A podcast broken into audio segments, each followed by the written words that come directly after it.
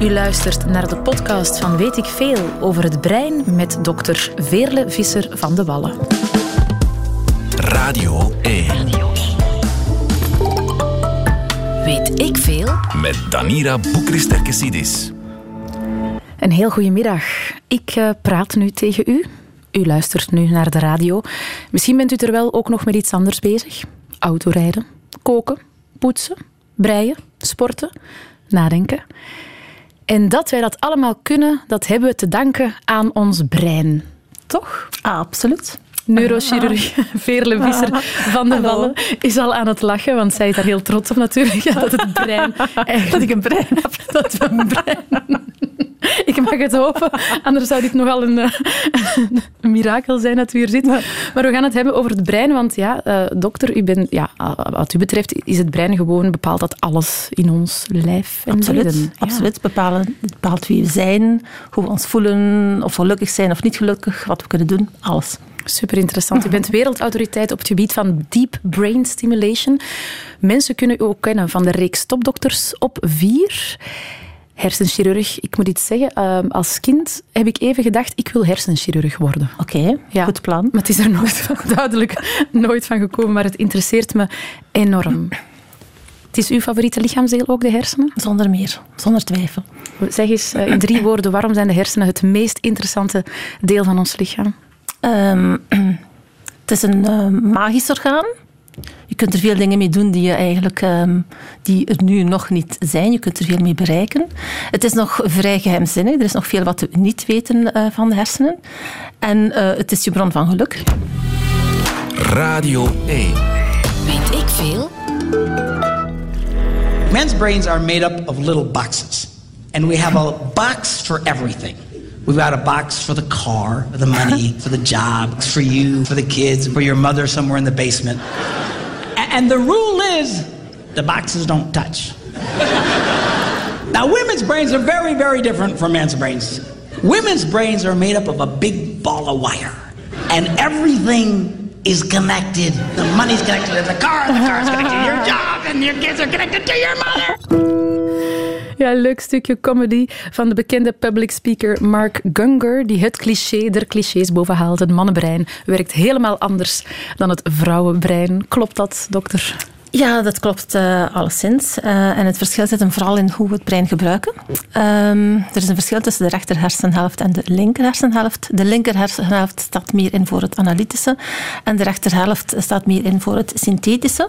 En mannen hebben de neiging om het analytische meer te nemen en vrouwen om meer om het synthetische te nemen. Dus om het ganse plaatje te bekijken, terwijl de mannen eerder alle details gaan analyseren. Dat is natuurlijk ja, een, een, een grove uh, veralgemening, maar als je mij vraagt van, ja, als ik een verschil moet noemen, dan zou ik dat noemen. Ah ja, dus dat mannen het volledige plaatje niet altijd zien, ze kunnen er gewoon niet aan doen. Het Absoluut. zit in de hersenen. Zeker weten. Okay.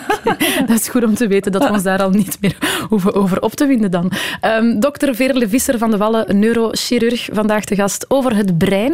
U heeft een heel tof boek geschreven over ons brein. Dank u eigenlijk een, een, een, boek geschreven voor uw zoon, Casper. Ja. Een verjaarscadeautje voor ja. hem. Het heet uh, Plato en Cola of het geheim van jouw brein. Wat wou je hem uh, daarmee cadeau doen met dat boek? Wel, um, ik wou hem vooral tips geven um, hoe het best gebruik te maken van het brein. Want uh, er zitten, hoe zou ik het zeggen, echt nog um, vrij verdoken schatten in ons brein, om het zo te zeggen. Uh, in die zin dat er een, en nu kom ik op het wetenschappelijk dan eigenlijk, um, dat er, als we niet te veel nadenken, een enorme spontane elektrische activiteit in ons brein plaatsgrijpt. Dat weten we nog niet zo lang, dat weten we pas sinds een twintigtal jaar. Dus dat is niet lang vergeleken met de kennis van de anatomie van de hersenen. Maar nu weten we meer van over de werking van de hersenen en vooral de spontane activiteit. En we weten dat als je niet te veel nadenkt, dat er dan een enorme spontane activiteit, dat die dan vooral kan uh, zich manifesteren. En zo kom je op de beste ideeën, de beste inspiratie en de beste ingevingen. Oké, okay, dus eigenlijk um, niks doen is niet niks doen. Inderdaad, het is goed om af en toe niks te doen, om, zodanig dat die spontane activiteit uh, maximaal uh, kan fungeren. Uh, men heeft er ook onderzoek naar gedaan, uh, naar de creativiteit van mensen en dan tegelijkertijd uh, de activiteit van hun hersenen gemeten. En men heeft gezien dat diegenen die het meest gebruik maken van die spontane elektrische activiteit, dat die het meest creatief kunnen denken en ook het best oplossingen kunnen verzinnen voor problemen. Dus ja. Ja, en dat, die spontane activiteit noemt men het default-netwerk. Dus dat is sowieso aanwezig eigenlijk? Ja, iedereen van ons heeft het, maar we zijn er ons niet bewust van. Dus ik pleit ervoor dat we er eigenlijk beter mee omgaan. En, en wat is dan er beter mee omgaan? door niet te veel na te denken. En, dus af en toe gewoon de knop uitschakelen. Maar dat is moeilijk, hè, de knop uitschakelen? Ja, ja maar voor iedereen is dat verschillend. Hè. Dus sommige mensen gaan dan mediteren. Ja, prima. Um, ja, ik kan het niet zo goed. Ik ben, er ook niet zo'n fan van, maar dat is voor iedereen heel individueel. Dus mediteren uh, is goed. Of gewoon iets doen uh, dat schijnbaar onbenullig is. Bijvoorbeeld binge-watchen Netflix, is dat niks? Ja, maar je moet opletten, want die studie heeft ook aangetoond dat die mensen die gebruik maken van dat default-netwerk het meest creatief zijn, maar enkel wanneer ze zich daar bewust van zijn. Ze hebben ook onderzoek gedaan bij mensen die ze een detectiveroman geven en uh, als ze het, het, het, het, plaatje gelezen hebben van uh, er is een moord gebeurd en wie zal het uh, zijn, Degene die het meest dagdroomde, past uh, bij wat we net besproken hebben, van het is goed om af en toe luid te zijn. Degene die het meest dagdromen, dagdroomden, die kon het het best oplossen, maar enkel degene die zich er bewust van zijn dat ze dagdromen. Het is niet, je, zou kunnen zeggen dat binge-watchen uh, of, of soms krijg je de vraag van drugs of alcohol. Nee, het gaat er enkel om dat je dus je denken stopzet, dat je dus niet veel actief nadenkt en dat je je daar bewust van bent. Oké, dus maar als ik Netflix opzet en begin te bingen, dan ben ik mij er heel hard van bewust dat ik eigenlijk niet meer denk, maar gewoon ontvang okay, dan is wat het. binnenkomt. Dus dat mag. Ja. Het is eigenlijk, eigenlijk, als ik het goed begrijp, om creativiteit op gang te brengen, moeten we onze hersenen rust geven. Ja, en we weten het allemaal eigenlijk, hè, maar ja, misschien durven we er te weinig aan toegeven. Iedereen van ons weet toch dat je vaak het beste idee krijgt als je s morgens vroeg opstaat omdat er dan nog niks van actieve... Ja, omdat je dan, omdat je, dan je actieve, dat nadenken hebt stilgelegd. Je was wel met iets bezig, want waarom krijg jij bijvoorbeeld uh, ineens een idee hoe je een, een, bepaald programma gaat samenstellen en hoe krijg ik het idee hoe ik een boek ga schrijven? Omdat we ermee bezig zijn. Dus je moet ergens een vraag stellen of, of, een, of een, een uitdaging voor ogen hebben. En als je dan uh, je denken stillegt, bijvoorbeeld door te gaan slapen, dan uh, krijg je vaak een uh, schitterend idee. Een aha-moment. Ja, voilà. En dat gaat niet komen als we te hard zitten door te denken op iets en dan hopen dat er iets creatiefs gebeurt. Ja, je, je, je gaat natuurlijk nadenken over een probleem en dan moet je, moet je het laten schieten. Je moet het laten het loslaten. Ja, ja voilà. Loslaten. Ja. Nou, dus als ik het ook zo hoor, ons brein kan dus wel degelijk moe worden. Dat is zeker, ja. tuurlijk. Ja, ja. oké. Okay. Dus eigenlijk batterijen opladen, zoals bij je gsm. Ja, en het, het, brein verbruikt veel energie. Hè. Dus het uh, staat in voor 2% van ons lichaamsgewicht, zo grosso modo. Maar het verbruikt wel 20% van de totale energieconsumptie van het uh, lichaam. En kan het schadelijk zijn van die rustmomenten niet in te bouwen? Ja. Oh, ja. Welke gevolgen kan dat hebben? Ja, dat, Als je wel altijd denkt en doordoet en... Nee, of, of bijvoorbeeld niet slaapt. Ik dacht oh, dat ja. die vraag Ja, ook bijvoorbeeld. Of niet genoeg slaapt. Ja, een mens heeft zijn slaap nodig. Hè. Dus een, een mens kan eerst het makkelijk zonder eten. Uh, dan uh, het makkelijkst zonder uh, drinken. Maar waar een mens het meest nood aan heeft, is uh, slapen. je kunt mensen geen week bijvoorbeeld wakker houden, maar je kunt wel een, mensen een week zonder eten laten. En mensen die zeggen van, oh, ik heb niet zoveel slaap nodig. Ik kom toe met vier, vijf uur per nacht. Dat kan uiteraard. Hè. Dat is heel individueel en dan is dat prima voor die mensen. Iedereen moet kijken wat hij of zij nodig heeft. Maar het voldoende slapen, afhankelijk van je, is absoluut belangrijk. Absoluut belangrijk. Voor de, ja, maar je kijkt nu heel streng. ik zal zien dat ik voldoende slaap. Nog even kort over het mediteren, want u zei, ik ben er geen fan van. Maar ik... Ja, ik ja. doe het zelf niet. Ik heb het vroeger geprobeerd. Uh, dat is lang geleden, twintig jaar geleden, heb ik zo'n uh, uh, een sessie gevolgd bij een beëdigd TM-leraar in Brugge. Maar um, ja, als ik dat nu probeer, dan ga ik in de knoppen met ademhaling en dat is ook niet de bedoeling. Ja, dat is niet de bedoeling, maar ik heb ooit wel eens gelezen, blijkbaar hebben boeddhistische monniken jongere hersenen dan hun leeftijdsgenoten, door, omwille van dat mediteren, omdat ze hun hersenen zoveel rust geven. Ja, dat zou best kunnen. Dat zou kunnen, ja. ja, ja. ja. Dus het houdt wel de hersenen jong. Ja. Weet ik veel? Uh, wat moeten we eten als we een beter brein willen krijgen? Ja, ik heb een paar van die dingen opgezocht. En die gaan we hier en nu combineren tot een soort van topbreinmix. Super. Begin maar met de bosbessen. Dat is heel goed voor de neuroplasticiteit. Cashewnootjes, goed voor de energie. Pinda mag erbij, opnieuw energie. Koffie, voor de focus. Avocado ook. Zaadjes, eieren. Goed nieuws, chocolade ook. En dan de laatste, vette vissen. Goed voor de hersencelmembranen wegens de omega-3. Maar degoutant. Weet je wat ook werkt voor je hersenen? Vasten. Een stukje uit Brain Man. U moest lachen, dokter. Ja, slagen. Is het waar wat ze zeggen? Vasten is goed, maar al die voedingsmiddelen zijn ook goed?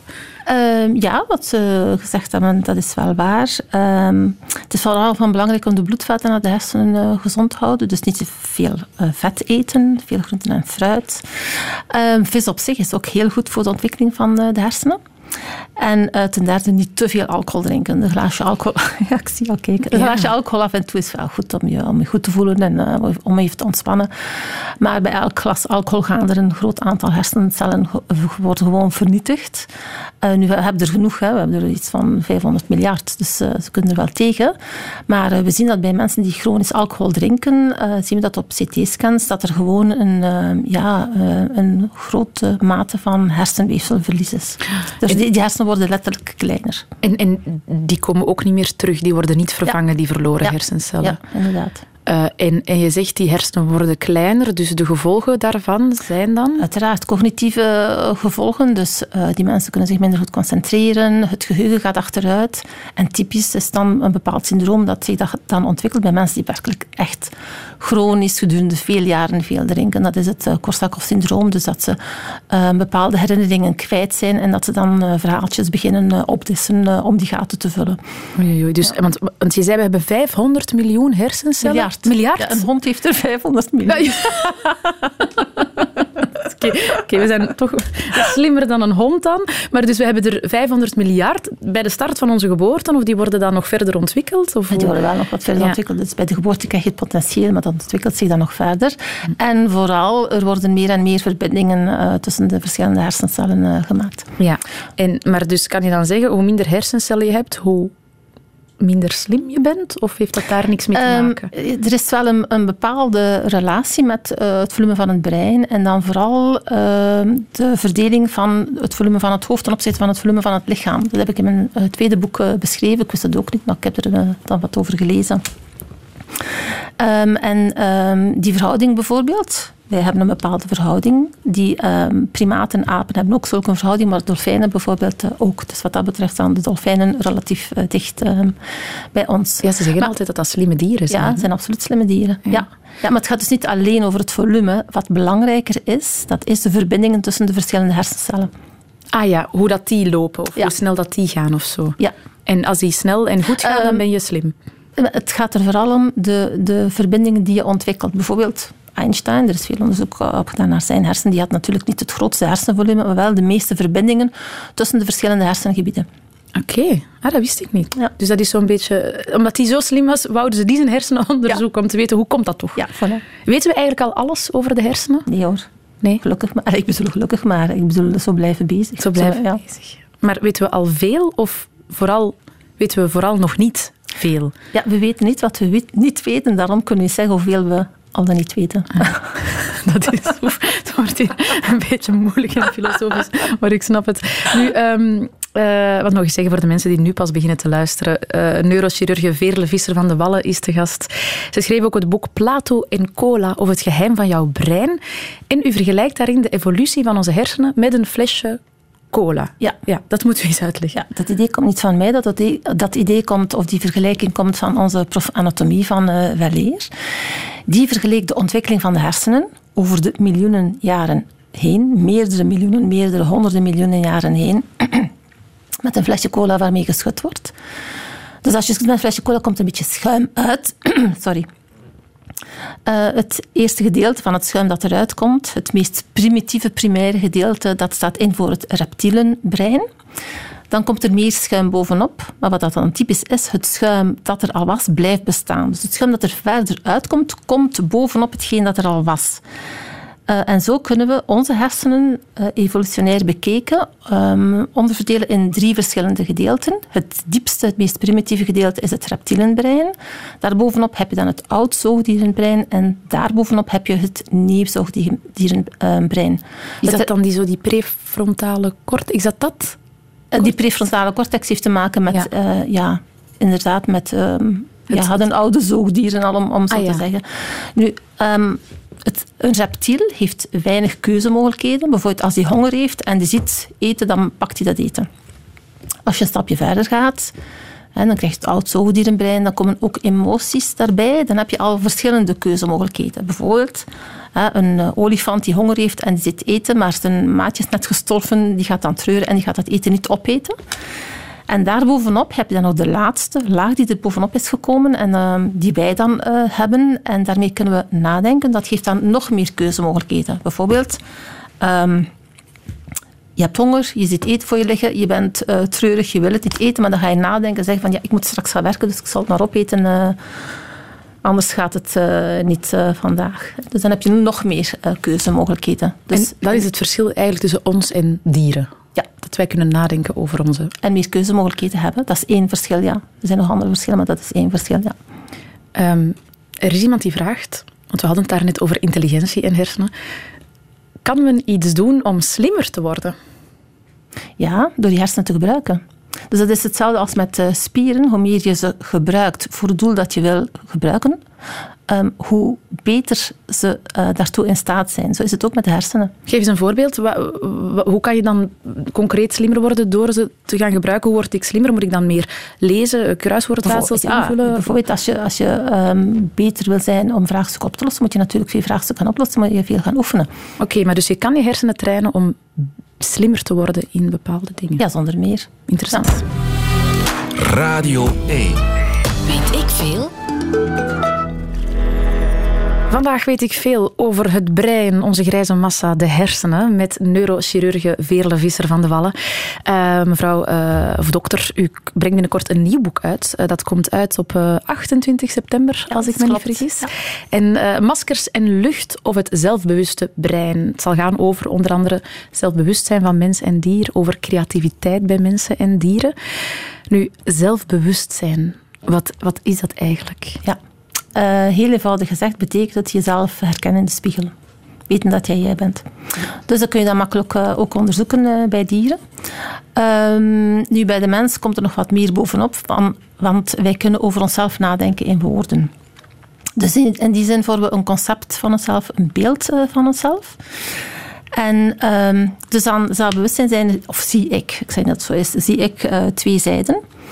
Aan de ene kant uh, betekent dat we over onszelf nadenken, maar we kunnen ook te veel over onszelf nadenken. En ik denk dat dat een belangrijke oorzaak is van uh, depressies. Dus uh, wereldwijd lopen er meer dan 320 miljoen mensen met een ernstige depressie rond. Ik denk dat dat een van de oorzaken is. De andere kant van de medaille is um, dat je een beeld van jezelf kunt vormen dat er nog niet is en daar naartoe werken. Dromen dat is eigenlijk creatief, creatief zijn. Ja. ja, inderdaad. Ja. Ja. Ja. En, want u zegt, um, als je te veel gaat nadenken, dat kan een oorzaak zijn van, van depressie. Um, zijn mensen, is dat bij sommige mensen dan ook bepaald door hun hersenen dat zij net meer gaan nadenken dan anderen? Of is dat... Ja, dus mensen worden geboren met een bepaalde aanleg, een bepaalde constitutie. Ja, je hebt mensen die meer extravert zijn, je hebt mensen die meer introvert zijn. Dus, dus je hebt al een bepaalde aanleg uh, van bij de geboorte. Ehm, en dan is het natuurlijk zaak van uh, wat er in de omgeving gebeurt en welke prikkels die je krijgt. Dus het is een combinatie van nature, hoe je geboren wordt, en nurture, uh, wat in je omgeving uh, gebeurt. En dan hetgeen dat je zelf beslist hoe je ermee omgaat. Dus ik zeg altijd, een mens heeft altijd de keuze hoe hij met zichzelf of met zijn brein omgaat. En dan zou je kunnen zeggen van ja, er zijn toch um, aandoeningen, hersenaandoeningen, waarbij eigenlijk een patiënt geen controle meer heeft over zijn gedachten. Bijvoorbeeld patiënten met uh, obsessief-compulsieve neurose, het type voorbeeld is uh, smetvrees. Dan zeg ik nee, ze hebben nog altijd de keuze om te zeggen van oké, nu pak ik de telefoon en nu contacteer ik mijn huisarts of contacteer ik een arts. Nu ga ik echt hulp zoeken. Ah ja, maar ze hebben niet de keuze om het bij zichzelf stil te leggen. In een vergevorderd, verder gevorderd stadium niet. Niet. Nee. Maar dus eigenlijk wat u zegt is, wij hebben controle over onze hersenen. Je hebt altijd de keuze hoe je ermee omgaat. Ja. Dat is niet hetzelfde als controle. Nee, controle is niet hetzelfde. Nee, en dat zie je vooral uh, door uh, te kijken naar patiënten. Dus ik ga veel om met uh, patiënten met um, elektrische hersenstoornissen. Die mensen kunnen er niet aan doen dat ze uh, bepaalde gedachten denken. Een typische patiënt die tot bij mij komen, zijn patiënten die in een verder gevorderd stadium van de ziekte zijn. Anders zouden ze niet bij mij komen. Ze komen bij mij voor een operatie. Dat betekent dat ze al alle mogelijke behandeling van psychotherapie, gedragstherapie en verschillende uh, medicamenteuze uh, schema's hebben gevolgd en het helpt niet. En dan komen ze bij mij voor een operatie. Dus die, al de, de patiënten die ik zie zitten in een verder gevorderd stadium van de aandoening. Ja, daar gaan we straks nog op door, op uw specifieke uh, werkwijze en de deep brain stimulation. Uh, maar eerst nog even over, over hey, de, on, ons brein, de maakbaarheid daarvan en zo. Even luisteren naar Dick Swaap, een bekende Nederlandse hersenonderzoeker. Alles wat wij zijn, ons karakter, onze mogelijkheden, maar onze beperkingen ook zijn vastgelegd in, uh, in ons brein. We blijven leren. Ja. En wat we geleerd hebben, we blijven ook meenemen in onze beslissingen. Mm -hmm. Hoewel al die beslissingen onbewust zijn. Mm -hmm. Maar het idee dat je een andere persoon kan worden, in die zin maakbaarheid, dat is niet waar. Ja, alles ligt vast, zegt hij. We kunnen geen andere persoon worden. We zijn niet maakbaar in die zin. Helemaal niet mee eens. Ik ben het er wel mee eens dat, er, dat je geboren wordt met een bepaalde constitutie. Maar toch echt wel heel erg zijn als, als je jezelf niet kunt veranderen. Dus met andere woorden, dat er geen evolutie mogelijk is die je zelf aanstuurt. Dus wat dat betreft ben ik het niet eens met Xaap. Uh, anderzijds, als ze zegt van we zijn ons brein, ja, ik kan me erin vinden, maar ik hou liever van de uitdrukking we hebben ons brein. En dan denk ik vooral weer aan mijn belangrijkste professionele activiteit. Dat is omgaan met patiënten, patiënten beter krijgen. Als patiënten tot bij mij komen, dan zeg ik, u heeft een elektrische stoornis in uw brein. Dat klinkt toch wel heel anders als ze zeggen van, u bent gestoord. Ja? ja. Want als zij hun brein zijn en hun brein is gestoord, dan zijn zij ook gestoord. Dus u ziet, ja, ik snap het. U ziet het als, wij hebben een brein, maar we zijn niet ons brein. Ons brein bepaalt ons niet continu dan. Het is, het is... Wij hebben altijd de keuze. Nu, als ik praat over mijn brein of als ik een bepaalde keuze maak, dan is dit op zich ook al een hersenactiviteit. Dus in die zin heeft uh, meneer Swaap gelijk dat wij ons brein zijn. Maar wij kunnen nadenken over ons brein en wij kunnen beslissen over het brein. Dat is eigenlijk het magische van, uh, van het hele verhaal. Hè? Want er zijn toch ook dingen zoals instinct, reptiele verstand. In hoeverre worden die oerreflexen dan, dan onderdrukt? Ah, dat beslis je zelf, omdat je een neo, uh, een, een neocortex hebt, omdat je dus een um, neomammalian, een nieuw, sorry, een zoogdierenbrein hebt. Dat is dus die derde laag die je in staat stelt om bijvoorbeeld instincten te onderdrukken of niet aan emoties toe te geven of net wel aan emoties toe te geven. Maar kan het zijn dat die laag bij sommige mensen minder goed werkt dan bij anderen? Uh, ja, je kan beslissen om er eigenlijk uh, weinig gebruik van te maken, maar uh, iedereen heeft die laag uiteraard, anders was het geen mens. Nee, maar je zou wel kunnen zeggen, er, er zijn sommige mensen doen niet altijd even goede dingen, doen soms slechte ja, dingen. Heeft dat ja, dan te maken ja, Met, die, met die voorste lagen die we op dat moment dan niet inschakelen om ons tegen te houden? Er zijn natuurlijk bepaalde elektrische afwijkingen die mensen ertoe aanzetten waarbij het, het gehele plaatje niet meer klopt, waarbij er een disbalans ontstaat en waarbij mensen dus agressief worden. Maar dan nog hebben zij de keuze als ze voelen van oh, ik wil hier een moord begaan, bij wijze van spreken, om nu maar eens een, uh, een scherp uh, voorbeeld te geven, om dan te zeggen van oei, ik ga, de, ik ga hulp zoeken. Dus iedereen heeft de keuze als het erop aankomt. Ja. Radio 1. Weet ik veel? Ik ben Meta de Zijn, ik ben 48 jaar. Ik heb bijna 30 jaar een dwangstoornis gehad. En ruim twee jaar geleden een uh, deep brain stimulation ondergaan. En ik ben daar bijzonder goed van opgeknapt en ik voel me als herboren. Een vrouw die getuigde in koppen over een enorme verbetering na diepe hersenstimulatie. Uh, ja, dokter Veerle Visser van de Wallen als neurochirurg verwierf, verwierf uw wereldfaam toen u in uh, 97 als eerste een patiënt met het syndroom van Gilles de la Tourette behandelde met die deep brain stimulation. Um, wat gebeurt er dan eigenlijk precies? Wat is dat, die DBS? Ja, um DBS is een techniek in de neurochirurgie die ons toelaat om um, bepaalde symptomen bij patiënten die het gevolg zijn van een elektrische stoornis uh, in de hersenen, om die te verlichten. Ehm, daarvoor voeren we dus een operatie uit, maar het is een kleine operatie. Dus bovenop het hoofd worden twee kleine boorgaten gemaakt. Dus twee kleine incisies rechts en links van een viertal centimeter. Daaronder een klein boorgat van minder dan een centimeter doormeter. En dat wordt een heel fijn draadje, een uh, elektrode tot ehm, in de hersenen gebracht. En met de tip van die elektrode uh, kunnen we dan een bepaalde kern die elektrisch gestoord is ehm, daar kunnen we dan de elektrische activiteit uh, normaliseren. Dan hebben we natuurlijk nog een stroombron nodig. Dus die elektroden worden dan verbonden aan kabels die onder de huid achter het oor worden doorgetrokken tot onder het sleutelbeen en daar verbonden met een, een batterij, zeg maar, een, uh, een pulsgenerator. En de bedoeling van die, die brain stimulation? Dus er wordt dus continu stroom afgegeven. Uh, en het is zaak dat we bij bepaalde aandoeningen kunnen zien welke kernen elektrisch te actief zijn. Daar wordt dan die elektrode geïmplanteerd en dan geven we bij wijze van spreken tegengas. Dus dat wordt een um, stroom met een frequentie van meer dan 100 hertz. En wanneer je een frequentie van meer dan 100 hertz uh, stimulatie geeft, dan demp je um, de te hoge elektrische activiteit van die kern. En bij welke aandoeningen gebeurt dat dan?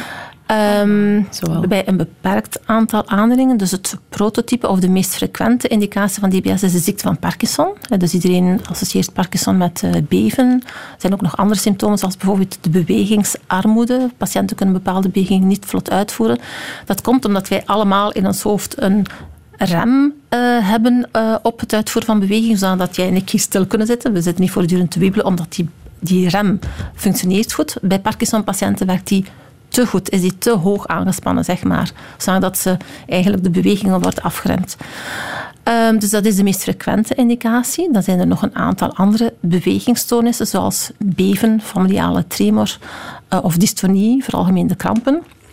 En dan zijn er ook nog een beperkt aantal uh, psychiatrische indicaties, zoals het Gilles-Latret-syndroom en de obsessief-compulsieve stoornis of de dwangneurose. Dus als ik een heel uh, zware dwangneurose heb, dan kan dat verholpen worden met die brain stimulation? Ja, nu de moeilijkheid van die aandoeningen in tegenstelling tot de ziekte van Parkinson is dat we geen test hebben uh, die predictief is. Dus aan de hand waarvan we kunnen voorspellen wat het effect van de stimulatie zal zijn. Grosso modo kunnen we zeggen dat uh, streng geselecteerde patiënten, dat uh, meer dan de helft daarvan toch een duidelijke verbetering heeft. Maar dat betekent ook dat toch wel een, een dertigtal procent ehm, een geen effect of een te gering effect, vooral een te gering effect heeft. Maar we kunnen niet op voorhand zeggen bij wie het gaat eh, helpen en bij wie niet. En maar als het werkt, is het dan voor lang dat het werkt of moet je dat om de zoveel tijd opnieuw laten stimuleren? Nee, dus de, er wordt continu gestimuleerd vanuit die batterij die dus onderhuid ja. wordt uh, geïmplanteerd. En, ja, en dan, dan gaat dat goed voor jaren. Voor jaren na ja. die operatie. Ja. En, want we praten over elektrische stroom -hmm. in de hersenen. Is dat, dat klinkt een beetje gevaarlijk, vind ik.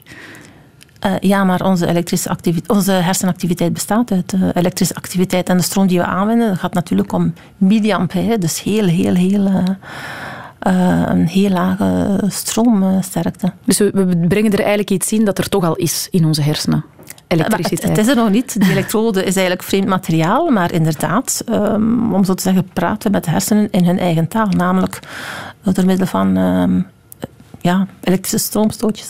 Het is wel maf om te zien, want in Topdokter zag ik u dan soms bezig en dan bent u bezig met uw operatie en terwijl zijn patiënten gewoon bij bewustzijn. Ja, vooral de patiënten met bewegingsstoornissen. Uh, en dat is belangrijk, uh, want je wil net dat punt met de gestoorde elektrische activiteit heel nauwkeurig vinden. Dus dat is, uh, ja, het komt op een millimeter aan. Dus um, dat areaal dat we willen stimuleren, dat zien we ook op een scan. Dus, niet, dus anatomisch gezien is het niet zo moeilijk om die elektrode erin te krijgen. Maar we willen het echt het optimale stimulatiepunt van die patiënt uh, vinden. En daar moeten we tijdens de operatie een teststimulatie uh, uitvoeren. En daar moet hij wakker zijn. Hij is niet klaar helder uh, wakker. Dus hij krijgt wel iets tegen de pijn uiteraard. en om, om wat rustiger te worden, dat het dan allemaal om het even is. Maar we kunnen wel met de patiënt praten en hem testen. Zou het, zou het kunnen dat we met die deep brain stimulation ook andere uh, vaardigheden gaan verbeteren? Ik zeg maar iets bijvoorbeeld ons geheugen verbeteren of, of, verbaal sterker willen worden door daar wat extra mhm. dingen... U, u, draait met uw ogen. Ja, die vraag heb ik nog meer gehad. Uh, het is zo dat ook, we zijn voortdurend bezig met wetenschappelijk onderzoek. Uh, onder andere om andere indicaties te gaan ontwikkelen. En dan denk ik vooral aan indicaties die hoog prevalent zijn, dus die vaak voorkomen en die echt een, heel negatieve invloed hebben op de maatschappij. Het, prototype is natuurlijk de ziekte van Alzheimer. Dus we doen nu mee aan een grote internationale studie um, met Alzheimer-patiënten. Um, ik kan nog niks over die studie zeggen, want we zijn pas begonnen. We hebben vijf patiënten uh, geïncludeerd. Uh, met de bedoeling om hun geheugen te gaan verbeteren. En dan komt natuurlijk de vraag van, ja, kun je dan het normale geheugen van mensen die niet ziek zijn ook verbeteren? Ja, ik bijvoorbeeld, ik wil dat mijn geheugen verbeteren, of dat, ik wil verbaal sterker worden, of kan dat dan met... Uh... Ja, theoretisch zou dat mogelijk zijn, maar daar wil ik me ver van afhouden. Dat is dus het zogenaamde enhancement. En um, ja, aan wie ga je dat uh, aanbieden? Uh, hoe wordt dat dan vergoed? Uh, dus ik zie het al ontstaan dat er rijke mensen dat kunnen betalen. nee, daar wil ik me ver van afhouden. Dus ik behandel enkel patiënten met pathologieën. Radio 1. Weet ik veel? er zijn zoveel vragen van luisteraars en ik wil er toch nog een paar aandacht geven. zoals de vraag bijvoorbeeld van Ariane. Wat is de mening van de dokter over neurofeedback, het trainen van de hersenen op een dieper niveau? Dat is een fantastische vraag. Ik ben heel blij met die vraag, maar niet zo blij dat we maar drie minuten meer hebben, want ik kan er een uur over praten. Neurofeedback is heel belangrijk en we doen er ook onderzoek naar. Um, neurofeedback betekent dat um, je je eigen elektrische activiteit gepresenteerd krijgt bijvoorbeeld door een EEG of door een uh, functionele MRI. Daar doen we dan uh, bij, uh, in Keulen onderzoek naar. En de bedoeling is dat je dan een bepaald eindpunt wat je wil bereiken, bereikt.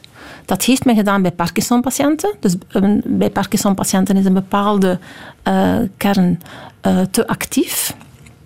Als je dan het beeld toont van de elektrische activiteit van een mens zonder Parkinson-verschijnselen en je zegt aan Parkinson-patiënten bereik dat, als je hen voortdurend een terugkoppeling geeft van hun eigen uh, activiteit, dan lukt hen dat. Ja, nu kijk je met grote ogen en dan uh, stellen we de vraag aan de patiënten van uh, ja, hoe hebt u dat bereikt? En dan weet ze het zelf niet. Dan zeggen ze van ja, ik stel me voor dat ik tennis speel of zoiets. Dat is ook zo heel persoonlijk. Iedereen um, ja, vindt zo een, een, een, methode voor zichzelf. Waar we nu mee gaan starten, uh, dat is een project gesteund door de, een Europese subsidie om hetgeen een Parkinson-patiënt zelf of Parkinson-patiënten zelf kunnen bereiken met neurofeedback, om dat te vergelijken met hetgeen we bereiken met uh, diepe hersenstimulatie. Dat uh, dus in een nutshell verteld. Ja, inderdaad. Want uh, nu ga ik van alles denken. Denk ik, ja, dus als ik gewoon bepaalde golven of, of bepaalde EEG's kan zien, kunnen mijn hersenen die bewegingen beginnen overnemen. Dat is het eigenlijk. Als je dus voortdurend een terugkoppeling krijgt van je eigen elektrische activiteit en daarnaast zie je de elektrische activiteit die je moet bereiken, dan lukt het je door die voortdurende terugkoppeling om die uiteindelijke, gezonde zeg dan maar, activiteit te bereiken. Dat is ongelooflijk. Ja. Ik vind dat heel maf. Oké, okay, uh, misschien nog één kort vraagje. Ik heb, dat, ik heb het vooral ook in mijn tweede boek beschreven. Ah, dat, en dat komt uit uh, in september, dus als we er meer over willen weten, dan uh, dat boek lezen.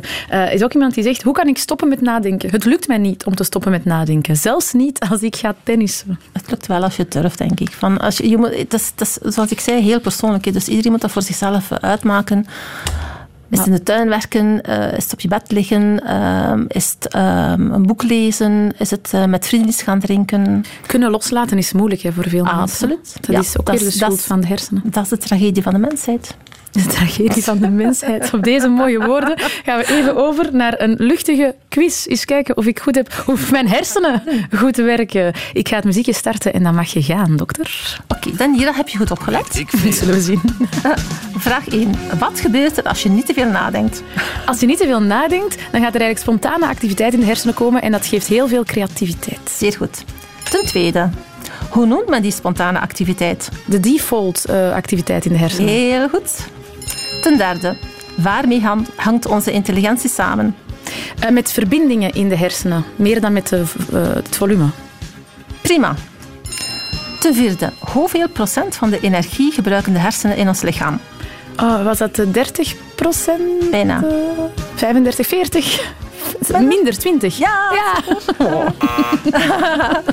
De laatste vraag. Wat is de functie van deep brain stimulation? Uh, de aandoeningen, uh, ja, elektronische... Wat, nog zes seconden, ik wil je bedanken, maar ik weet het hoor. Dikke merci, Vera Visser van de Vallen. En maandag over het geheugen. Tot dan. Radio 1. Weet ik veel? Dit is het einde van deze podcast van Weet ik veel. Weet ik veel is trouwens een programma van Radio 1. Op radio1.be vindt u nog veel meer.